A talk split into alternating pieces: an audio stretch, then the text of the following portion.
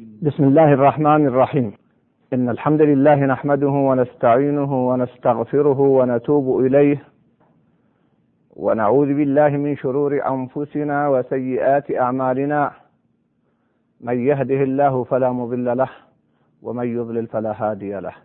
وأشهد أن لا إله إلا الله وحده لا شريك له.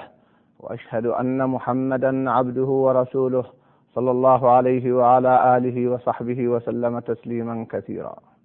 يا أيها الذين آمنوا اتقوا الله حق تقاته ولا تموتن إلا وأنتم مسلمون. يا أيها الناس اتقوا ربكم الذي خلقكم من نفس واحدة وخلق منها زوجها وبث منهما رجالا كثيرا ونساء واتقوا الله الذي تساءلون به والأرحام إن الله كان عليكم رقيبا. يا أيها الذين آمنوا اتقوا الله وقولوا قولا سديدا. يصلح لكم أعمالكم ويغفر لكم ذنوبكم. ومن يطع الله ورسوله فقد فاز فوزا عظيما. أما بعد أيها الأخوة المؤمنون أيها الأخوة المشاهدون سلام الله عليكم ورحمته وبركاته. نلتقي في هذه الحلقات وفي هذا البرنامج الذي أسأل الله جل وعلا أن يجعله مباركا نعيش فيه مع سنة المصطفى صلى الله عليه وسلم. هذا البرنامج على منهاج النبوة نعيش معه في حلقات متوالية في أحاديث مختارة منتقاة من صحيح مسلم بل من مختصر الإمام مسلم الذي اختصره الإمام المنذري رحمه الله جميعا. على منهاج النبوة أيها الأحبة برنامج له دلالته وآثاره التي لا تخفى. عندما نسير على هذا المنهج التزاما بقوله تعالى يا أيها الذين آمنوا أطيعوا الله وأطيعوا الرسول وأولي الأمر منكم. ولقد جاء الأمر بطاعة الرسول صلى الله عليه وسلم في القرآن في مواضع عدة من يطع الرسول فقد أطاع الله. ومن تولى فما أرسلناك عليهم حفيظا. إن طاعة رسول الله صلى الله عليه وسلم هي طاعة لله جل وعلا ولا تتم طاعة الله جل وعلا إلا بطاعة رسوله صلى الله عليه وسلم. ولذلك نجد الآيات الكثيرة التي تؤكد على هذا المعنى في القرآن. نجد قوله تعالى وأطيعوا الله والرسول لعلكم ترحمون. أتريدون الرحمة؟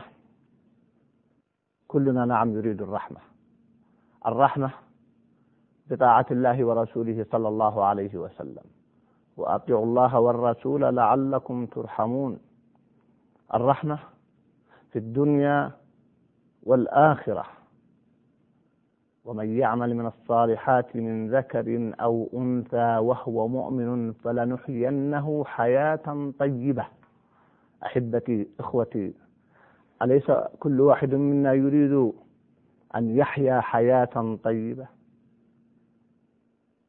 عندما ننفق الأموال ونبذل الجهود ونقوم بالأعمال كل إنسان يسعى من أجل أن يحيا حياة طيبة سعيدة. ولكن كم من الناس يوفق لذلك؟ الموفق هو من أطاع الله وطاع رسوله صلى الله عليه وسلم. ومن يعمل من الصالحات من ذكر أو أنثى وهو مؤمن فلنحيينه حياة طيبة. كيف نعمل الصالحات إلا على منهاج النبوة؟ أيضا. نجد من هذه الآيات العظيمة وأطيعوا الله ورسوله ولا تنازعوا فتفشلوا وتذهب ريحكم. من آثار طاعة رسول الله صلى الله عليه وسلم قوة الأمة. ومن آثار البعد عن الله وعن رسوله التنازع والفشل والخذلان. ألا تلاحظون أحبتي إخوتي واقع الأمة الآن؟ ألا تلاحظون تسلط الأعداء على الأمة؟ لماذا؟ من السهل جدا أن نلقي باللوم على أعدائنا. لا يقول سبحانه وتعالى مشخصا لهذه الحالة مع أفضل جيل ظهر على وجه الأرض. ولما أصابتكم مصيبة قد أصبتم مثليها قلتم أن هذا قل هو من عند أنفسكم. وما أصابكم من مصيبة فبما كسبت أيديكم ويعفو عن كثير. فمن أسباب بل من أعظم أسباب ما حل بالأمة هو البعد عن الهدي النبوي عن منهج محمد صلى الله عليه وسلم. فمن أجل قوة الأمة ومن أجل سعادتها ومن أجل عودة هيبتها وقيادتها وريادتها جئنا نتحدث عن منهاج النبوة. والقرآن يشخص هذه الحقيقة في مواضع عدة يصعب حصرها في هذه اللحظات وفي هذه الدقائق. من يطع الرسول فقد أطاع الله. ومن تولى فما أرسلناك عليهم حفيظا. كلنا يحب رسول الله صلى الله عليه وسلم. كلنا يقول ذلك لكن من الذي يثبت مصداق هذه الحقيقة؟ يقول الله جل وعلا قل إن كنتم تحبون الله فاتبعوني يحببكم الله. فاتبعوني يحببكم الله. برهان المحبة لله ولرسوله صلى الله عليه وسلم بصدق الاتباع لا بالابتداع. ونحن نلحظ اليوم مع أن المسلمين تجاوز عددهم المليار بل أكثر من ذلك. انظروا ما نسبة الاتباع الحقيقي لمحمد صلى الله عليه وسلم. من هو على منهاج النبوة حقيقة؟ ألا تلاحظون أن الابتداع في دين الله قد يكون لدى كثير من المسلمين يشعرون أو لا يشعرون؟ إنني أخشى على هؤلاء الذين ابتدعوا في دين الله وإن كانوا يزعمون أنهم يحبون رسول الله صلى الله عليه وسلم. أخشى عليهم كما ورد في الحديث الصحيح عندما يأتوا يوم القيامة ليردوا على حوض محمد صلى الله عليه وسلم فيذادون كما يذاد البعير الضال. فيقول صلى الله عليه وسلم أمتي أمتي فيقال إنك لا تدري ما احدثوا بعدك. فيقول صلى الله عليه وسلم سحقا سحقا. ويقول صلى الله عليه وسلم من أحدث في أمرنا هذا ما ليس منه فهو رد. واقع كثير من المسلمين الآن هم يقولون نحب رسول الله صلى الله عليه وسلم ولكنها محبة قلبية وقد لا تكون صادقة وحقيقية وإلا لاتبعها العمل فتجد فتجد أنهم يعبرون عن هذا الحب لرسول الله صلى الله عليه وسلم ببدع ما أنزل الله بها من سلطان. إنني أخشى على هؤلاء مما ورد في ذاك الحديث. اللهم سلم سلم. ودعوى الأنبياء يوم القيامة. اللهم سلم سلم. جئنا أيها الأحبة في هذه الحلقات نتحدث عن منهاج النبوة. في مواضع عدة في باب الإيمان في الصلاة في الزكاة في الصيام في الحج في المعاملات في أحاديث منتقاة. من أجل أن نسير على هذا الطريق الذي رسمه لنا رسول الله صلى الله عليه وسلم. يقول صلى الله عليه وسلم تركت فيكم ما إن تمسكتم به لن تضلوا بعدي أبدا. ماذا يا رسول الله؟ كتاب الله وسنتي. ويقول صلى الله عليه وسلم تركتكم على البيضاء ليلها كنهارها لا يزيغ عنها بعدي إلا هالك. إخوتي أيها الأحبة لقد جاء رسول الله صلى الله عليه وسلم بالبيان الشافي الكامل للأمة شهد به القاصي والداني. يأتي يهودي ويقول لسلمان الفارسي رضي الله تعالى عنه لقد علمكم الرسول لقد علمكم النبي لقد علمكم نبيكم كل شيء. مستفهما ومقررا. فيقول له سلمان رضي الله تعالى عنه أجل لقد علمنا رسول الله صلى الله عليه وسلم كل شيء حتى القراءة. ثم فصل في الحديث في آداب الخلاء. ويقول الصحابي الجليل ما مات رسول الله صلى الله عليه وسلم وطائر يقلب جناحيه في السماء إلا أعطانا منه علما علمه من علمه وجهله من جهله. وقبل ذلك يقول الله جل وعلا اليوم أكملت لكم دينكم وأتممت عليكم نعمتي ورضيت لكم الإسلام دينا. دين دين الكمال والشمول. ويتساءل المتسائلون أين العلاج لواقع هذه الأمة؟ هذه الأمة الحائرة هذه الأمة التي غدت مستضعفة ومجمعا لتسلط الأعداء. أين المخرج؟ أين العلاج؟ والله لن نجد العلاج عند أعدائنا. والله لن نجد العلاج عند اليهود والنصارى والوثنيين وأمثالهم. والله لن نجد السعادة والحقيقة في أن نكون ذيلا وتبعا لأعداء الله نأخذ من تراثهم وثقافتهم وقوانينهم. لا فلن يصلح آخر هذه الأمة إلا بما صلح به أولها. هنا والله طريق النجاة.